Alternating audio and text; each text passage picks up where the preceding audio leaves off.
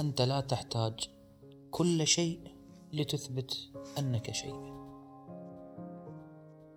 اليوم موضوعنا يقول الإنسان مخلوق يلم تجارب معطيات ياخذها من اللي حوله.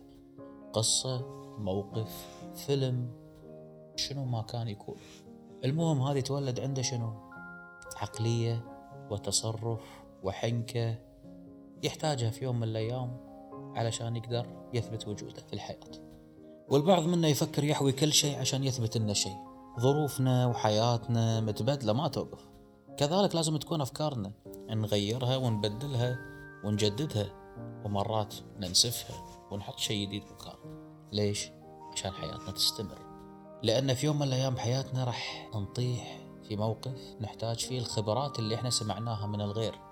أي كائن كان. تتعلم من كل شيء. والإنسان قبل عشر سنين مو مثل بعد عشر سنين.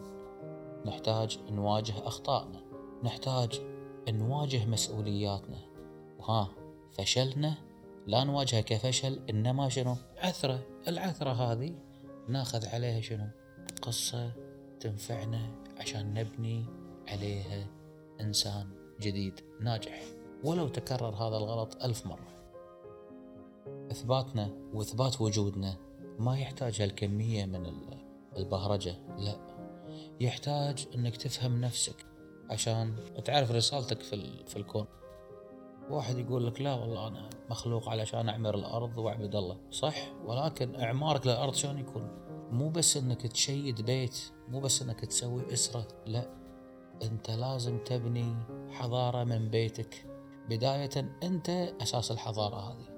أقل شيء تسويه وانت مركز عليه بس تتقنه.